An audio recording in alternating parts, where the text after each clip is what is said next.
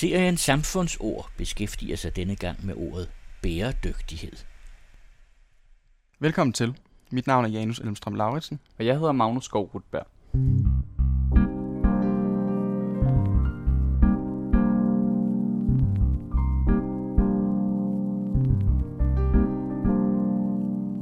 Vores civilisation er dekadent. Vi løber med hovedet under armen mod en afgrund, som ikke flytter sig, hvor meget vi end måtte ønske det. Generationer har svigtet, og nu må vi tage ansvar. Det er alvorlige anklager, som rettes mod den vestlige civilisation, og den leveres med dybfølt patos fra indignerede unge. De fleste husker nok Greta Thunbergs berømte tale ved FN's klimatopmøde tilbage i december 2018. Vi må og skal omstille samfundet i en bæredygtig retning, lyder det. Men hvad mener vi egentlig med bæredygtighed, og hvordan skal vi som sociologisk informerede mennesker og samfund forholde os til den potentielt altødelæggende trussel, som klimakrisen udgør? Samfundsvidenskaben giver svar. Janus har talt med lektor Anders Blok.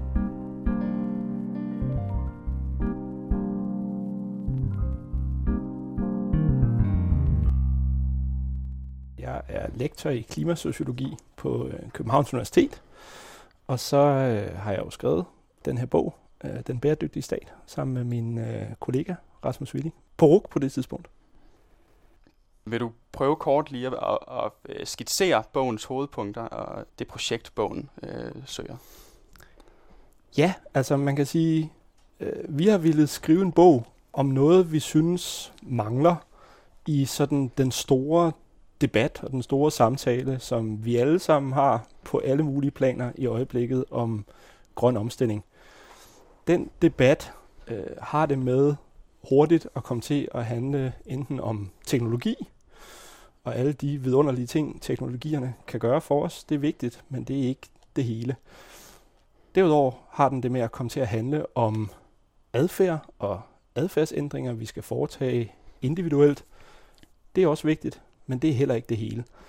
Vi vil skrive en bog om det tredje ben, som handler om kollektiv handlen og kollektiv ansvar i den grønne omstilling, og med afsæt i kan man sige, nogle diskussioner, som føres inden for vores forskningsfelter, øh, sociologi, men også øh, statskundskaben, om det man der kalder den grønne stat, eller hvordan staten kan blive grønnere og kan være en agent for en grøn omstilling i, i samfundet. Og det ville vi skrive, kan man sige, en, en formidlende bog om, øh, men også en diskuterende bog om.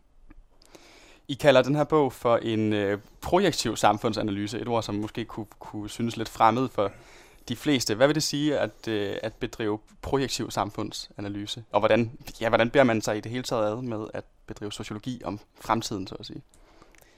Ja, altså, øh, det er jeg ikke sikker på, at jeg synes, jeg har øh, alle svarene på. Og selve ordet har vi jo sådan venligt lånt øh, fra den tyske sociolog Ulrik Beck, som vil være kendt for sin risikosamfundsdiagnose og, og hypotese. Og betyder jo egentlig bare, at øh, vi har en slags fremtidsrettet øh, ambition øh, med vores øh, bog her. For Bæk betød det i særdeleshed at forsøge at fokusere på nogle tendenser i samfundsudviklingen, som man måske kunne se i sin kimform.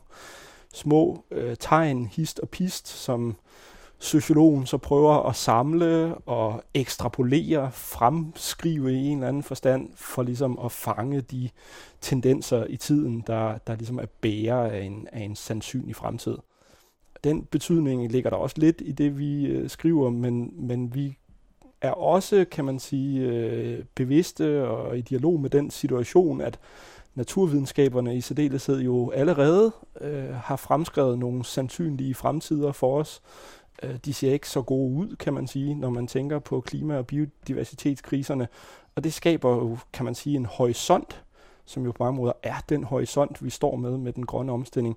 Øh, og, og, og det rejser nogle, kan man sige, etiske og moralske, politiske, normative spørgsmål. Og det er lige så høj grad, kan man sige, som de her empiriske og deskriptive spørgsmål, så er det de her sådan mere normative spørgsmål, vi også prøver at rejse. Hvad ville der skulle ske, hvis en stat og en samfundsudvikling skulle komme i en eller anden type af overensstemmelse med at svare, kan man sige, fornuftigt og ambitiøst og rettidigt på de her udfordringer. Og øh, hvad kunne det for eksempel være, der skulle ske, hvis vi bare lige skal have et, et punkt eller to af de idéer, som udlægges i bogen? Ja, altså, øh, vi har et, et relativt ambitiøst øh, program for den grønne omstilling og for statens rolle i den øh, grønne omstilling, øh, Øh, som har at gøre med en noget kraftigere, kan man sige, regulering øh, i henhold til klima- og biodiversitetskriserne af den økonomiske aktivitet øh, i samfundet, øh, og derfor også i sidste ende en anden måde at tænke økonomi, øh, løskoblet fra vækstimperativet, om man vil. Øh, det tror jeg måske, vi kommer tilbage til, det kunne jeg forestille mig.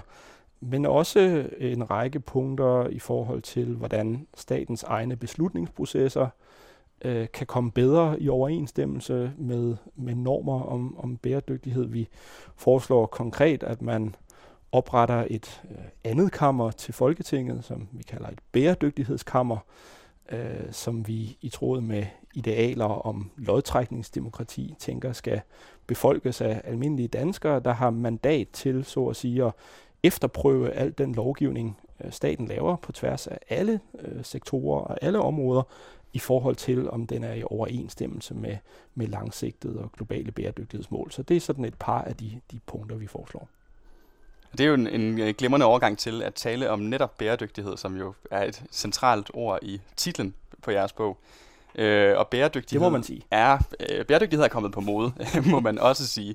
Partier vil efterhånden alle sammen være bæredygtige, og der er social kapital i at leve bæredygtigt, og biler kan være bæredygtigt, og der er det, der hedder et bæredygtigt landbrug. Men er bæredygtighed for dem det samme som Veganerpartiet bliver derfor, kan man spørge. Altså, begrebet har mange fortolkninger. Når vi i det følgende snakker om bæredygtighed, hvad skal vi så forstå?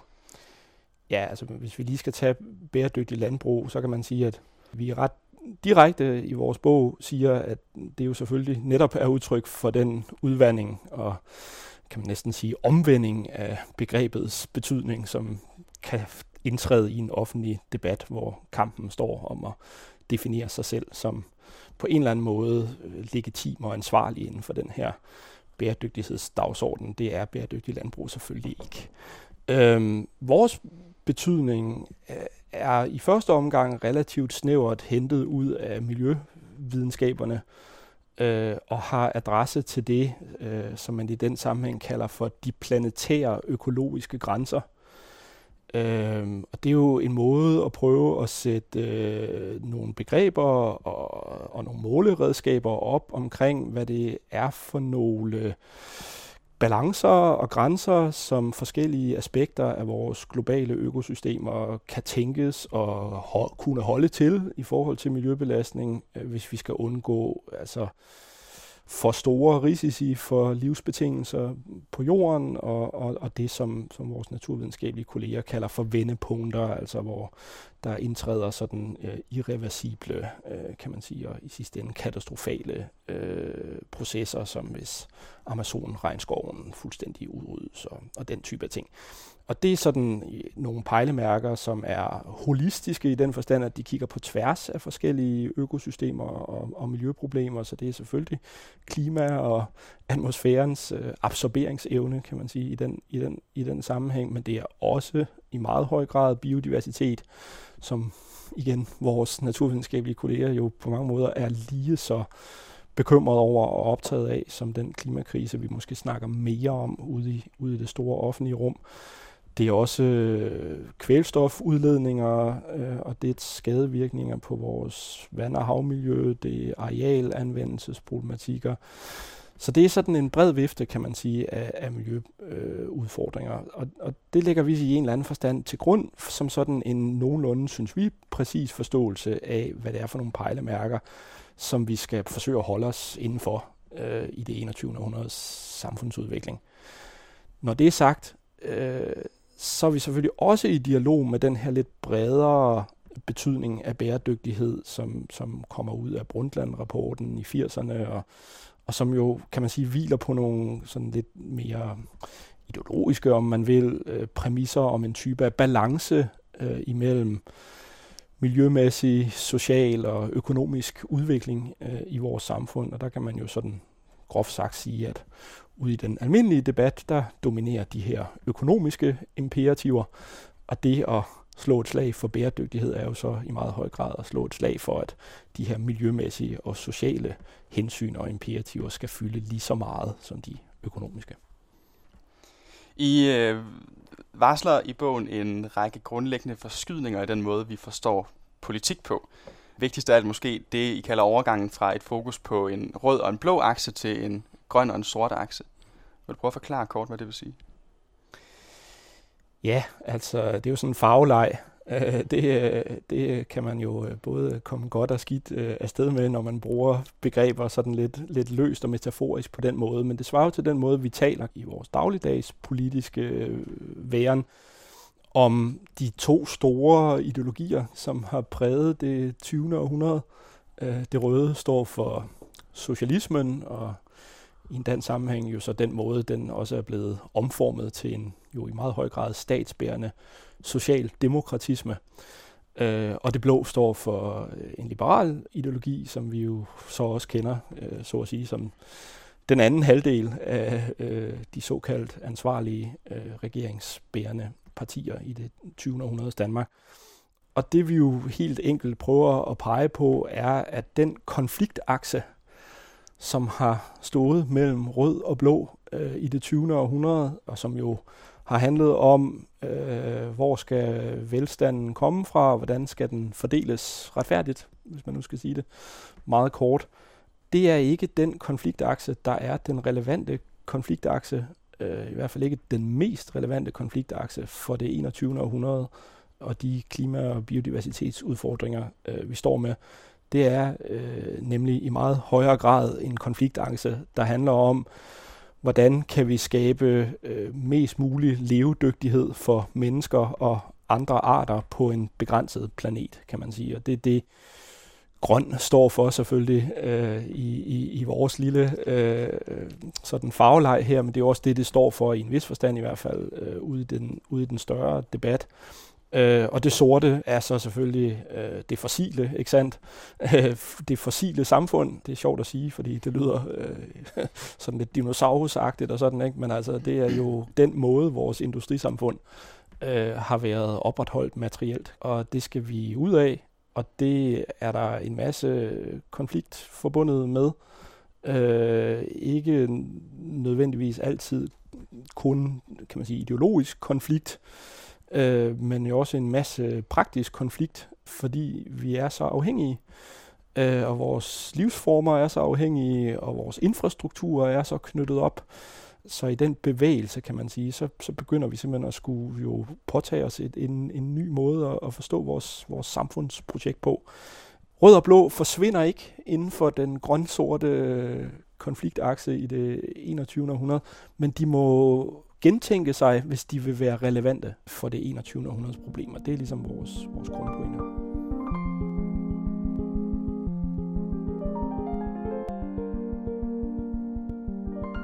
Vil du prøve kort at give et oprids af den grønne kritiks historie? Altså, hvornår bliver man opmærksom på de klimatiske konsekvenser af vores adfærd, og hvornår begynder man at tale om, at vi skal have en såkaldt grøn omstilling? Mm. Vi skriver os jo ind i en historie om, om miljøbevidsthedens sociale historie, kunne man sige. Det kalder vi i bogen for grøn kritik, men man kan sige, at i forhold til miljøbevidsthedens øh, historie, så kan man for det første sige, at, at den i meget høj grad er knyttet op på nogle erfaringer, vi som samfund gør os i 1960'erne og 1970'erne, øh, hvor vi ser en kraftig miljøbevægelse øh, vokse frem, grundet netop i en kritik af industrisamfundet, kort sagt, og dets miljøskadelige øh, virkninger. Øh, det er en meget gennemgribende og, kan man sige, altomfattende kritik i mange sammenhænge. På det tidspunkt handler det jo interessant nok ikke om, om klimaforandringerne. Øh, dem har man videnskabeligt været opmærksom på i, i over 100 år, men, men som en socialt virksom bekymring er det noget, der først slår igennem i, i 90'erne og 2000'erne.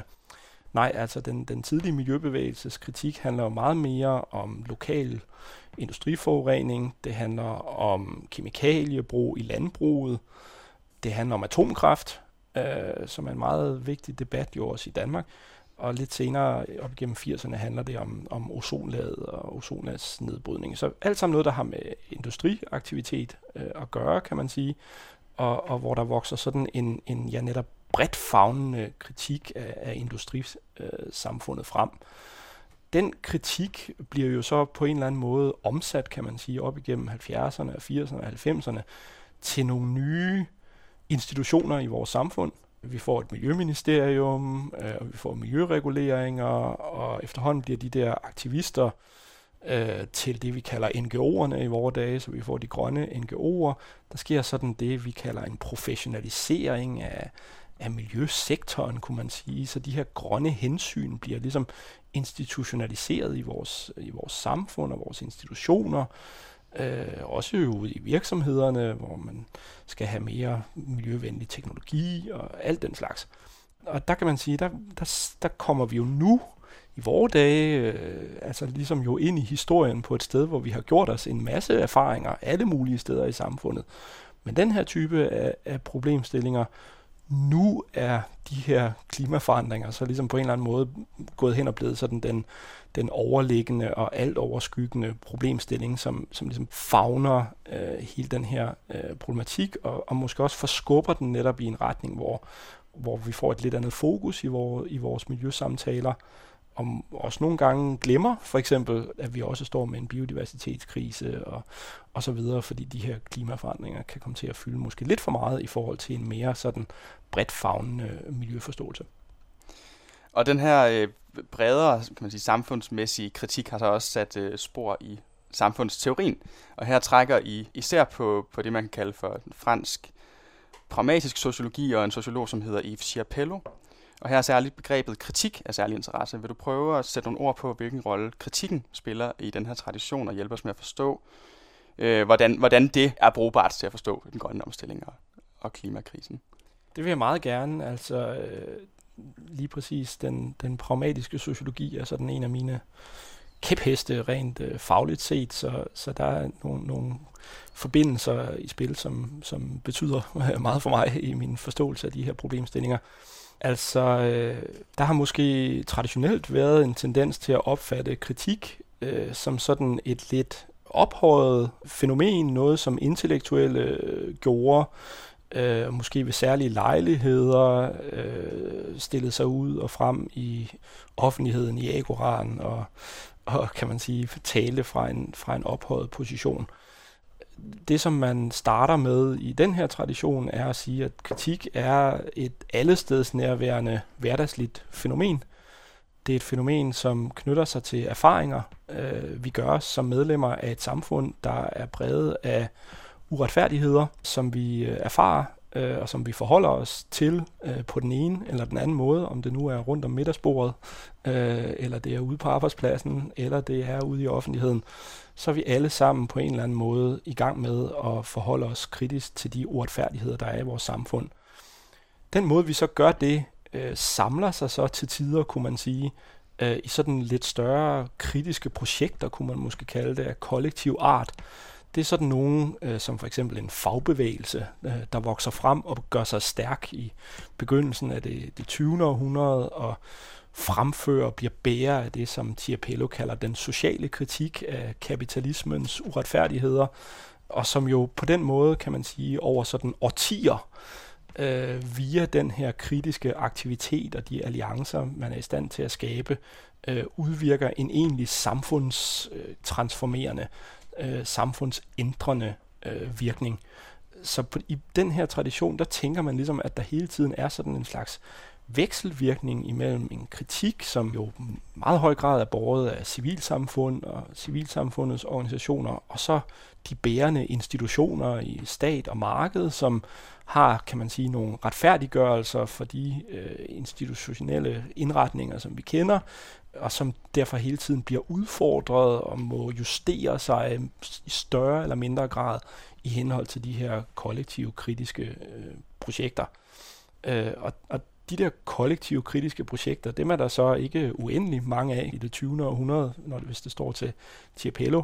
Uh, øh, hun lokaliserer fire af dem, og siger, at det har ligesom været de væsentligste, der har øh, båret, kan man sige, kritikken af, af sådan den, den kapitalistiske stat. Og der skiller hun så mellem en social kritik, som i meget høj grad er fagbevægelserne, øh, og har hjemme selvfølgelig også den måde, det bliver til Socialdemokratiet og, og hele velfærdsstaten. Øh, en konservativ kritik, øh, som handler om, at markedet ligesom, kan man sige, river os ud af vores lokale fællesskaber. Det, de kalder en en, en autentisk kritik eller en kunstnerisk kritik, som handler om fremmedgørelse i en vareverden, hvor alting bliver målt efter kan man sige, pengeskalaer og den slags, og det ligesom står i modstrid til vores autentiske væren. Og så endelig den grønne kritik, som selvfølgelig øh, er meget vigtig for os, ikke? og som er miljøbevægelserne, kort sagt, ikke? og kritikken af, at den kapitalistiske stat forvalter øh, en samfundsindretning, der har øh, i sidste ende selvundergravende og, og samfundsundergravende økologiske skadevirkninger. Så vi kan ligesom tale om, at der er sådan nogle store kollektive kritiske projekter, der har virket i det, i det 20. århundrede og formet vores samfund i større eller mindre grad. Øh, og, og vores pointe er jo så, at det er der, vi står, kan man sige. Det er de institutioner, vi har, det er det civilsamfund, vi har. Det er der, vi skal lede efter ressourcerne, de kritiske ressourcer, øh, og også alliancemulighederne for en grøn omstilling. Og netop øh, alliancemulighederne mellem de her kritikker øh, fremhæver I som et, et centralt punkt i den grønne omstilling. Vil du prøve at sætte lidt ord på, hvordan, hvordan de kan supplere hinanden? Ja, altså øh, vi har ligesom den pointe, at, at de her fire kritikformer, øh, de alle sammen har en relevans øh, for nogle af de erfaringer og nogle af de uretfærdigheder og nogle af de længsler, som er på spil i, i den grønne omstilling.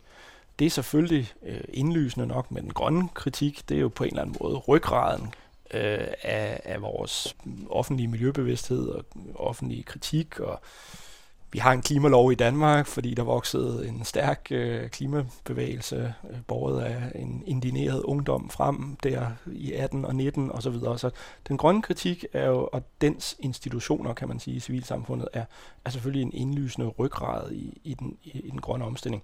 Og der er brug for kritikken, fordi kritikken er en læringsmotor, kan man sige, for vores samfund. Men, men vi mener ligesom, at man skal være opmærksom på, at de andre kritikker også rummer nødvendige elementer øh, for at skabe en, en bredt forankret omstillingsvilje øh, og, og, og mulighed. I forhold til den sociale kritik, øh, så er vi jo i øjeblikket, kan man sige, desværre rent politisk øh, vidne til et socialdemokrati, som spiller de her kritikker ud mod hinanden vi må endelig ikke gøre for meget øh, ved vores miljø- og klimaproblemer, fordi så vil det have social slagside, får vi at vide.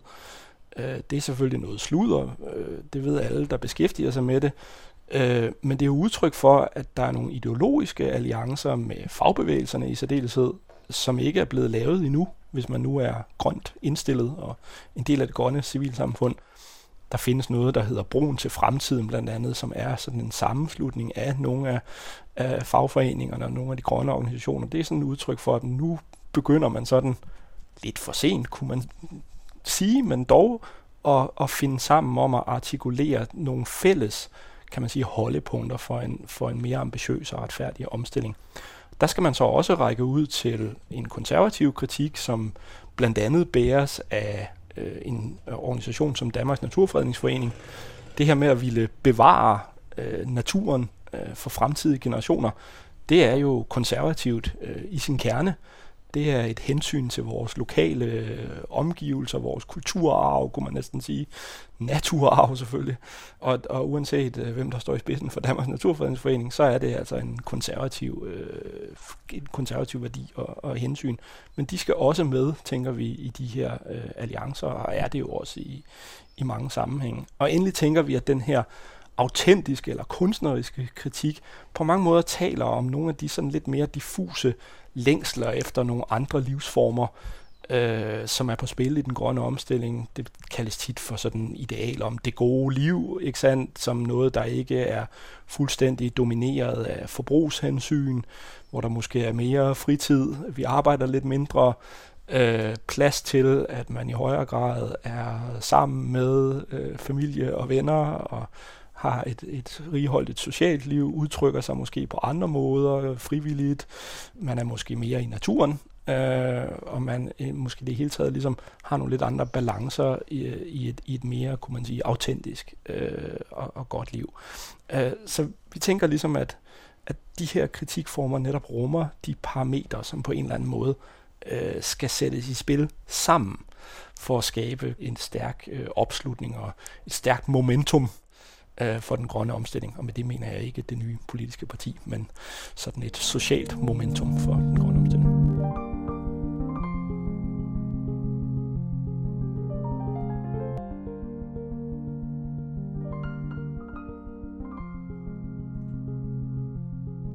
Et andet i samfundsteoretisk henseende interessant aspekt ved jeres bog, Den bæredygtige stat, er jeres diskussion af frihed. Og her introducerer I et nyt frihedsbegreb, som ifølge jer er en forudsætning for, at vi kan leve bæredygtigt og så at sige i overensstemmelse med naturen.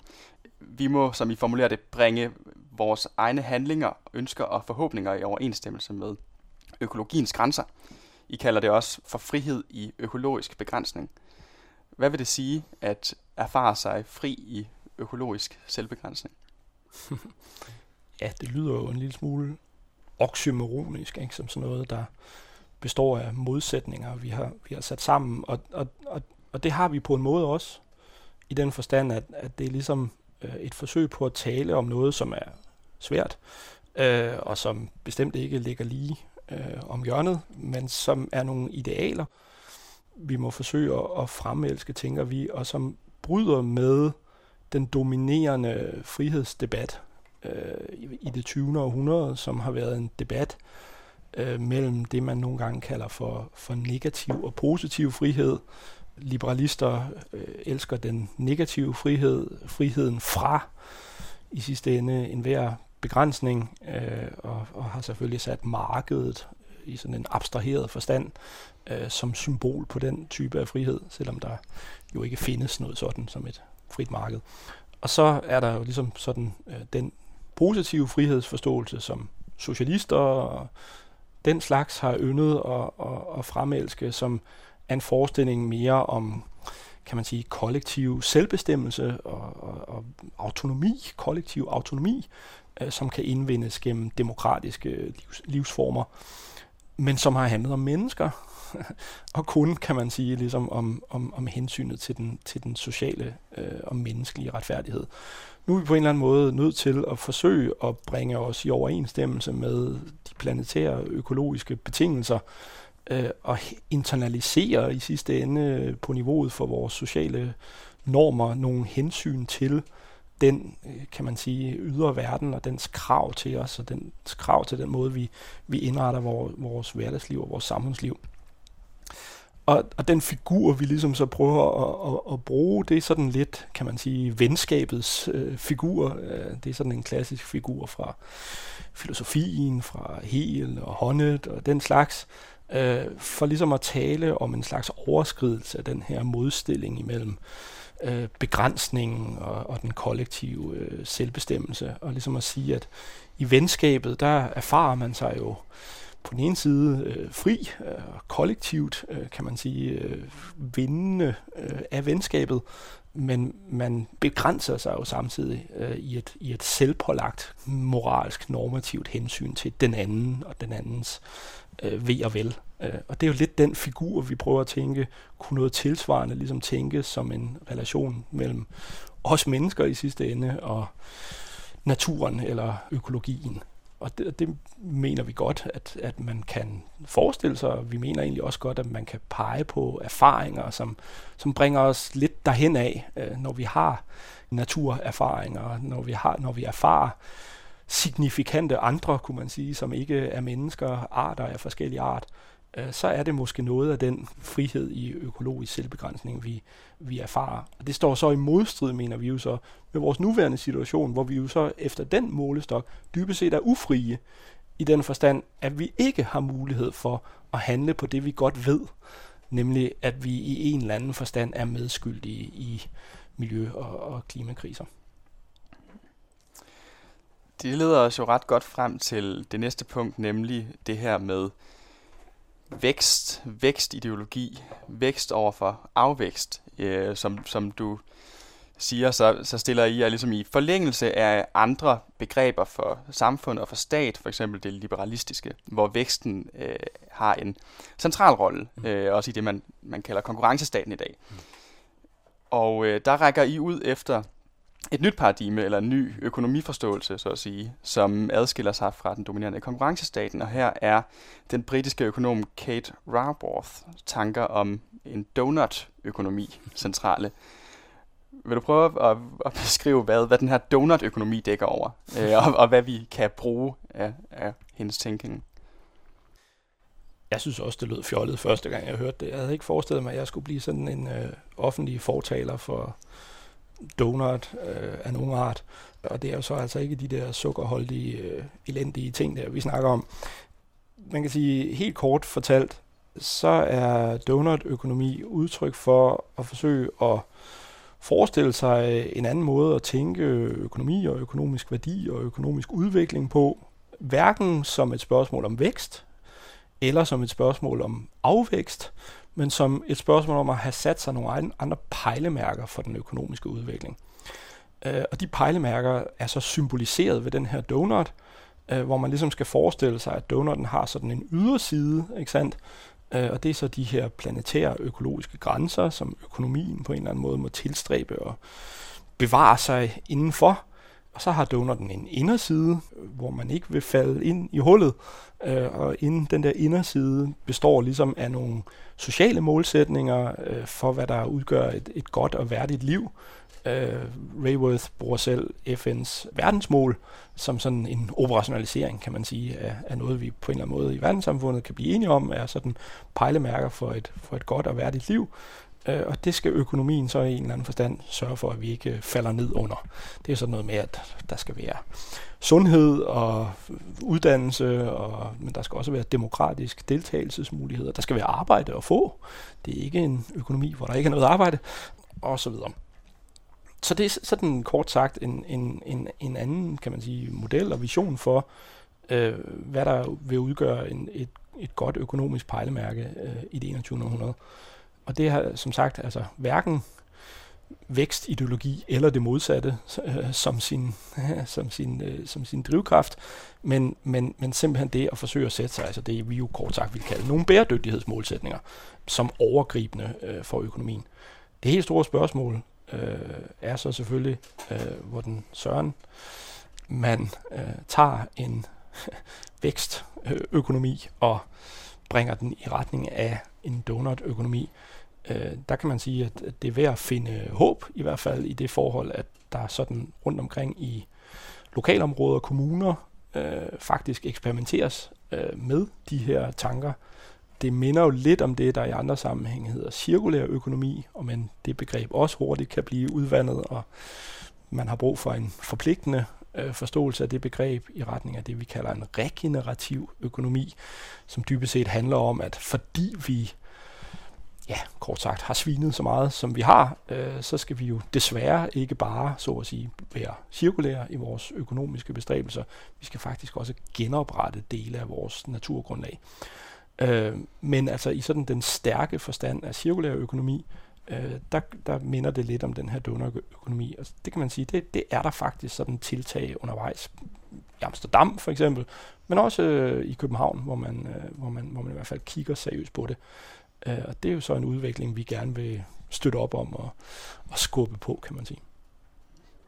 Så man kan måske tale om, at, at der allerede faktisk er indgået en form for, for alliance mellem forskellige kritikker i den her tænkning. Ja, lige præcis. Det er en, det er en, det er en god pointe. Altså, at, at der, har, der har man jo forsøgt at, at kan man sige, indtænke bæredygt, det holistiske bæredygtighedsbegreb, øh, nemlig det forhold, at, at de økonomiske øh, parametre og hensyn til den velstand, der kan skabes økonomisk, skal ses i snæver sammenhæng til de sociale målsætninger og med de miljømæssige målsætninger, kan man sige, i en eller anden forstand som en slags overdommer.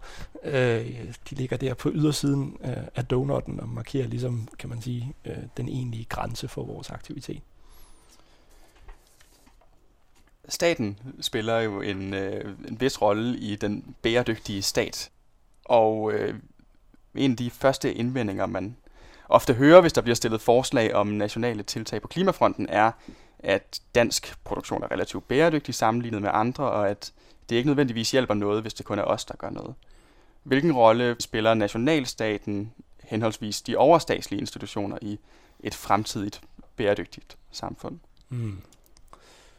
Ja, altså øh, det her er et punkt, hvor øh, vi, vi retteligt vedstår os, at, at vores bog bestemt også har sine grænser. Ligesom økologien har, så har vores bog også sine grænser. Øh, I den forstand, at der er ting, vi ikke øh, behandler med den tyngde, øh, som vi bør, øh, og som man bør, som mine gode kolleger i politologien og alle andre bør, nemlig altså det, som man kunne kalde sådan multiniveau styring af den grønne omstilling, lige fra jo ikke bare staten på det nationale niveau, men jo også det lokale. Kommunerne er meget vigtige øh, i den grønne øh, omstilling. Dem siger vi ikke helt nok om, kan man sige, i vores bog.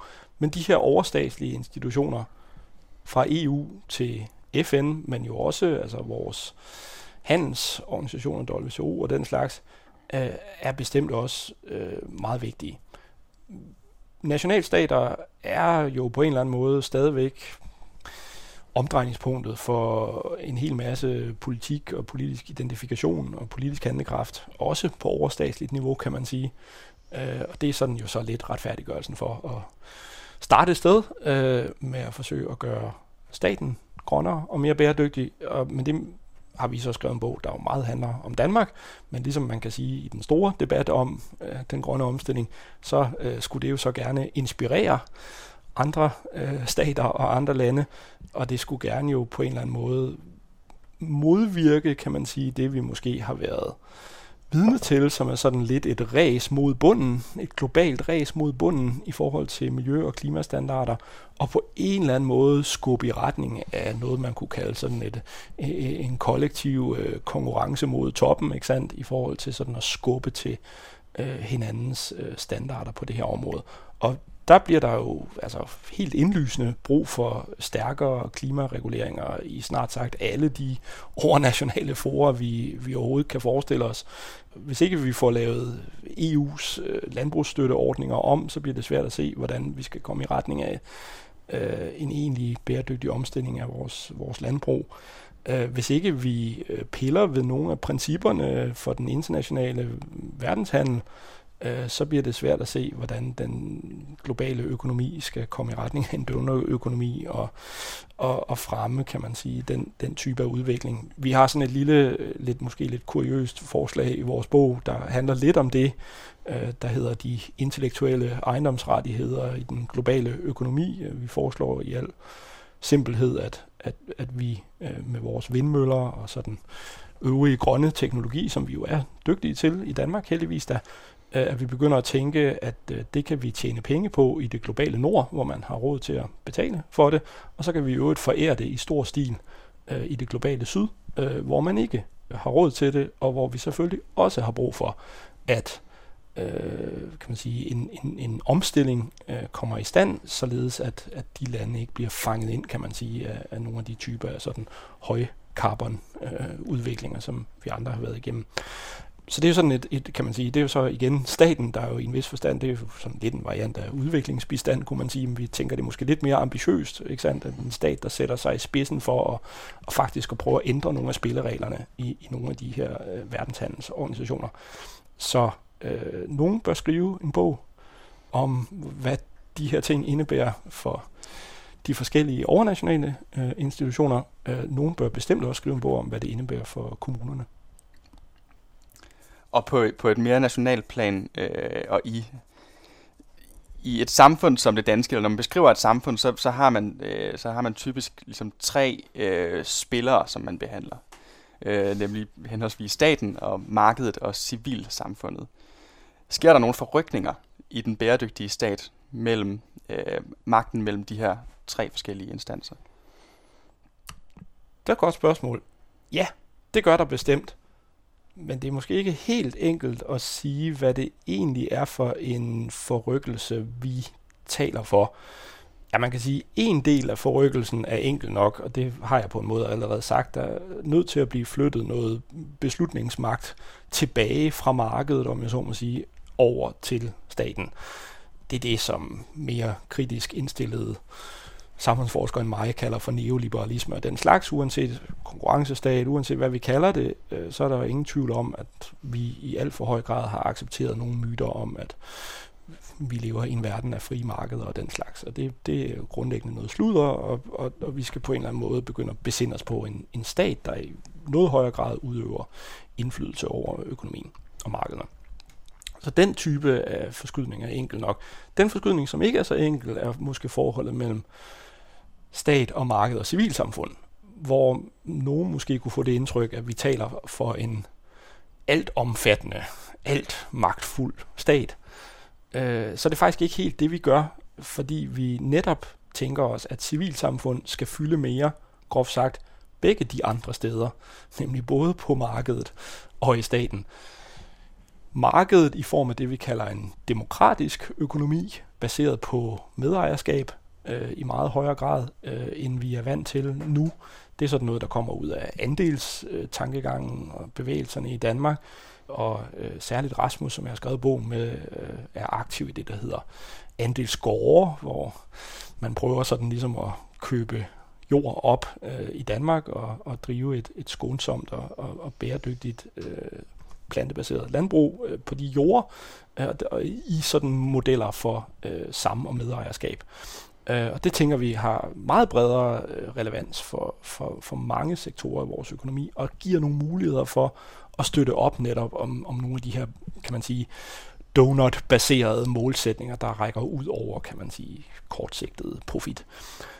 Så det er den ene ting. Og i forhold til staten, så er det jo interessant øh, ligesom altid at tænke om den dynamik, der må og skal være øh, mellem civilsamfundet og staten. Netop også måske igen i termer af, af sådan kritik og institutionalisering. Vi forestiller os bestemt, at, at, der, at vi har brug for et, et stærkt og, og, og selvstændigt og autonomt og kritisk civilsamfund, der ligesom er bærer af eksperimenter, kan man sige, i, i, den, i den grønne omstilling, øh, og på den måde ligesom øh, udvinder ny viden, udvinder nye normer, og er med til hele tiden ligesom at lægge et pres øh, på staten, fordi vi må bare jo også øh, erkende, at at øh, uanset hvor meget man kan ønske sig en bæredygtig stat, så har vi jo skrevet bogen, fordi erfaringen er, at, at staten jo i lige så høj grad er, er en bremseklods og, og, og ligesom koopterer, kan man sige, nogle af de øh, kritikker og, og forandringsmuligheder, der ligger i civilsamfundet. Og, og det er vi jo på ingen måde, kan man sige, ude på at, at tage fra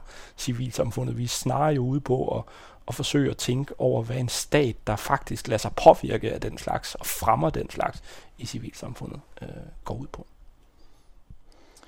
I er ikke de eneste, som er ude med nye samfundsprædikater. Øh, ikke så lang tid efter jeres bog udkom, øh, professor Mikkel Vedby Rasmussen med bogen Krisesamfundet, hvor han betragter krisen som et permanent grundkarakteristika for vores samfund. Øh, I beskæftiger jer også med en form for krise i den bæredygtige stat. Hvilken rolle ser du sådan mere overordnet for samfundsvidenskaberne og for samfundsteorien i et samfund præget af kriser? Hmm. Ja, altså udover at være professor i, øh, i statskundskab, så er han jo også min dekan, øh, Mikkel Vedby Rasmussen, så jeg skal måske vare de ord, jeg ikke desto mindre nu vil sige. Øh, og, og jeg kommer også til lige at, at, at starte med at sige, at jeg faktisk ikke har læst øh, Mikkels bog, øh, så muligvis skyder jeg helt forbi. Men når jeg hører udtrykket krisesamfund, øh, så hører jeg det som en, der har arbejdet sammen med Ulrik Bæk, den tyske sociolog med risikosamfundet, og, og hørtes jo altså som et forsinket ekko af, af Bæks analyse af risikosamfundet, som jo var en analyse, der kom 35 år øh, tidligere, øh, og på mange måder øh, har fat i et vigtigere begreb, øh, synes jeg, nemlig det her med risiko, end det her med krise. Krise øh, er efter min mening ikke nogen god måde at, at forstå den situation, vi befinder os i i forhold til kan man sige, miljø og, og, og klima, øh, kommer jo så ud selvfølgelig af vores corona-erfaringer. Øh, det forekommer mig heller ikke at være nogen god rammesætning, hvis vi skal tænke over sådan de brede linjer i vores samfundsvandring. Det, som risikobegrebet hos Bæk handler om, det er, at når vi står over for de her miljø- og, og, og, og klimatrusler, så står vi over for nogle anticiperede kriser, kunne man sige. Nogle anticiperede trusler, øh, hvor den her horisont, den her fremtidshorisont, altid i en vis forstand er mere alvorlig, mere bekymrende, fordrer mere handling end den, om du vil, aktuelle krise. Og det er jo lige præcis også det, vi erfarer med coronakrisen, kan man sige, i den forstand, at en hver nøgtern betragtning over den må jo nå frem til at sige, at den er en parentes i forhold til de her klima- og miljøkriser. Øh, kriser, nu gør jeg det så selv, ikke? Klima- og miljøtrusler vil jeg så hellere kalde dem, øh, som rækker langt længere ud i år, og i meget højere grad er samfunds- og livsdefinerende for det 21. århundrede. De hænger jo så i øvrigt sammen, øh, eftersom naturødelæggelser driver de her sundostiske øh, virer frem, så det, der er jo en forbindelse, men jo med miljø og, og, og, og klima som de alt overskyggende problemstillinger. Øh, og dem forstår vi altså bedre gennem sådan noget som en, en, en risikosamfundstænkning, fordi så forstår vi jo også, hvorfor øh, det jo kan være så svært at handle på trusler, der befinder sig langt væk ude i fremtiden, aldrig på en eller anden måde synes for alvor ligesom at have manifesteret sig i krisen men netop på en eller anden måde forbliver vage og lidt abstrakte, indtil vi på en eller anden måde formår, jævnfør den bæredygtige stat, at begynde ligesom at indarbejde dem øh, på trods, kunne man sige, af nogle af de her karakteristika øh, i vores samfundsliv og vores institutioner. Så Bæk sagde det egentlig meget godt, øh, og det er stadig det, vi arbejder på, øh, efter min mening her 35 øh, år efter, at forstå, hvad det vil sige, og forsøge at komme godt igennem det 21. århundredes risikosamfund. Har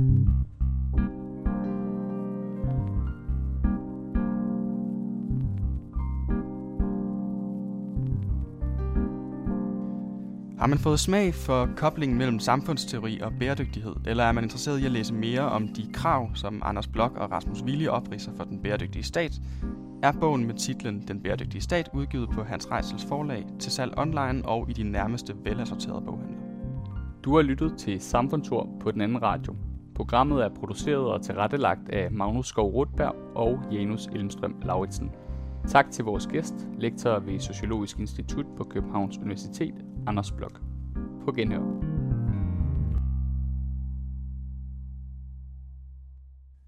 Den anden radio.